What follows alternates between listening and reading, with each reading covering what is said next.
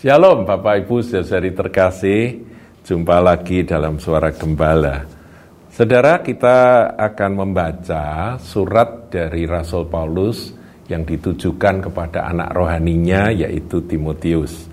Di dalam 2 Timotius 2 ayat yang ke-14 dan seterusnya, di situ ada nasihat yang bijak sekali yang perlu kita renungkan. Saya bacakan saudaraku ya, mulai ayat 14. Ingatkanlah dan pesankanlah semuanya itu dengan sungguh-sungguh kepada mereka di hadapan Allah. Jadi pada waktu kita itu menasehati, mengingatkan kepada saudara-saudara seiman, itu tuh kita ini melakukannya di hadapan Allah, saudara. Jadi Tuhan, Roh Kudus, Roh Allah itu turut bekerja ketika kita melakukannya. Yaitu apa nasihatnya, saudaraku?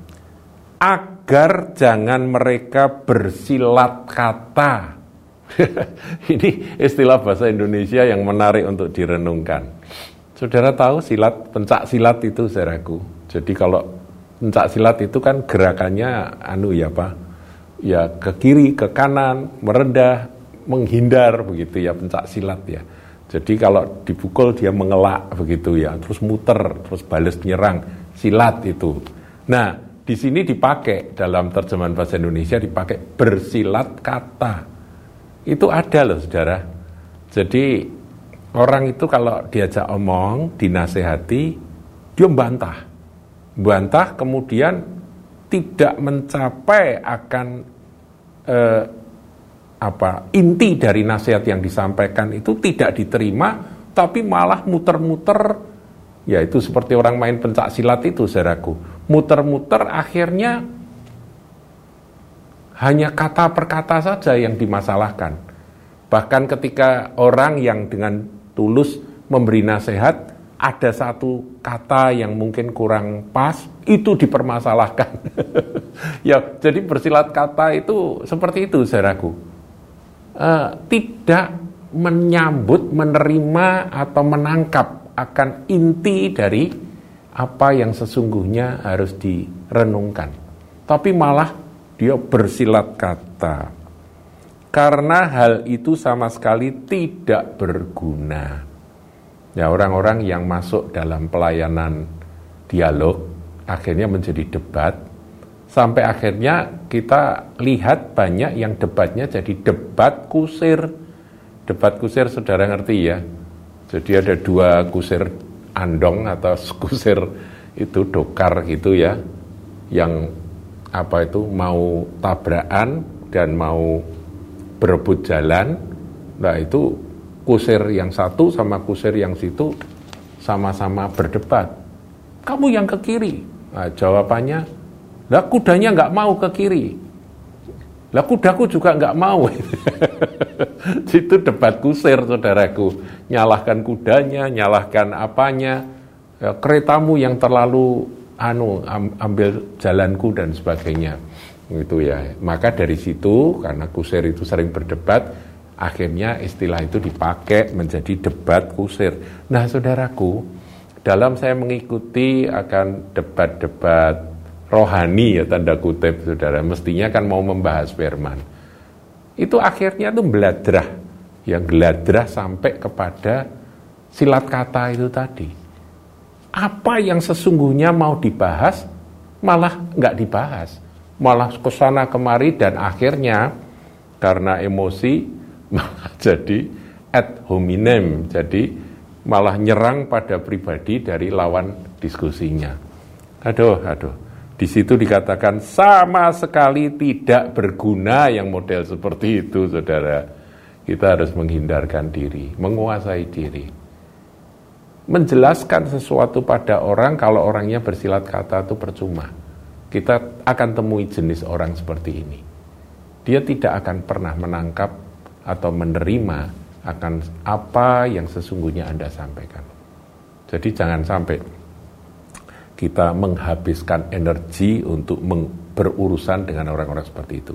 Tapi kok saya lihat ada orang-orang yang tidak bodoh, orang pintar, tetapi kok mudah terpancing untuk masuk ke area itu gitu ya. Eh, sekarang ini kan di dalam uh, apa tuh debat-debat di YouTube saudara kan itu ada yang langsung di depan itu wah, wah, wah, wah, wah, wah, wah, itu sudah isinya tuh seperti itu ya sama sekali tidak berguna malah mengacaukan orang yang mendengarkan. Kita yang dengerin mereka berdua iki apa nih yang mau dibahas itu? Sesungguhnya apa?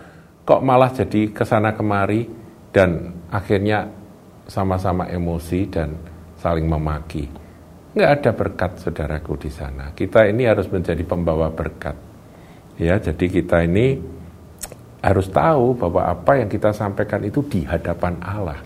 Ada Tuhan yang menjadi uh, moderator ya, yang tidak kelihatan, yang mendengarkan diskusi di antara uh, A dan B ya.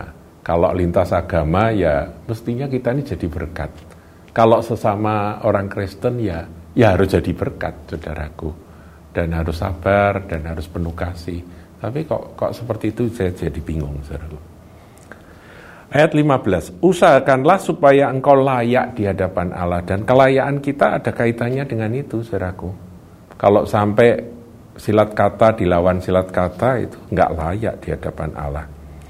Sebagai seorang pekerja yang tidak usah malu, yang berterus terang memberitakan perkataan kebenaran itu, ini penting digarisbawahi jadi kebenaran yaitu firman Tuhan itulah yang menjadi uh, tugas untuk kita beritakan.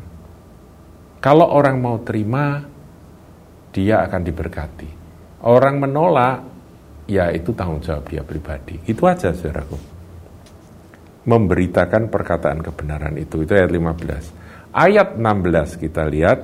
Tetapi hindarilah omongan yang kosong Loh, tanpa sadar saudaraku omongan kita ini menjadi omongan yang hampa.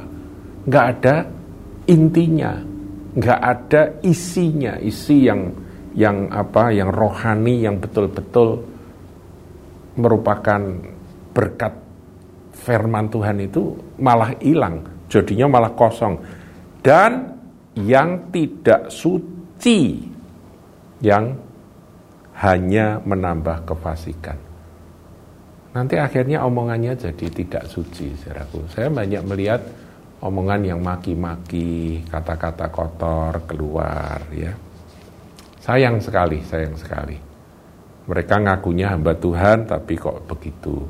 Kemudian ayat 17, perkataan mereka menjalar seperti penyakit kanker. Hati-hati, kalau ada seorang tokoh yang pinter bicara, yang pengetahuannya banyak tapi dia tidak bisa menguasai diri, dia mengucapkan kata-kata itu jadi kanker yang menjalar. Jadi artinya dia akan mencemari tubuh Kristus sehingga ya tanpa sadar itu menjadi seperti pemuridan. Orang-orang akan dimuridkan saudaraku untuk mengikuti gaya dari orang yang apa itu yang dikatakan dijadikan panutan itu.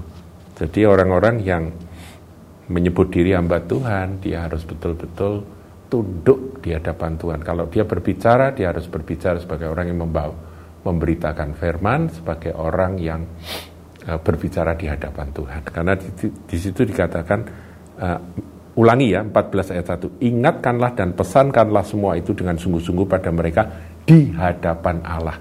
Jadi di hadapan Tuhan, saudaraku. Kalau enggak, yang masuk adalah roh yang lain.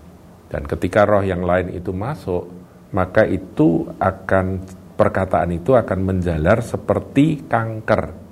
Di antara mereka termasuk Imenius dan Philetus ya. Nah ini berbahaya saudaraku yang ayat 18 itu mereka akhirnya nyimpang. Nyimpang dari kebenaran ya dan seterusnya.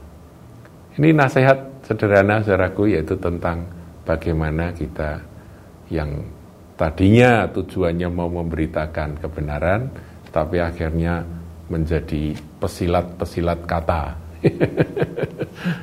ya, bersilat kata itu tadi. Ya, Tuhan Yesus berkati.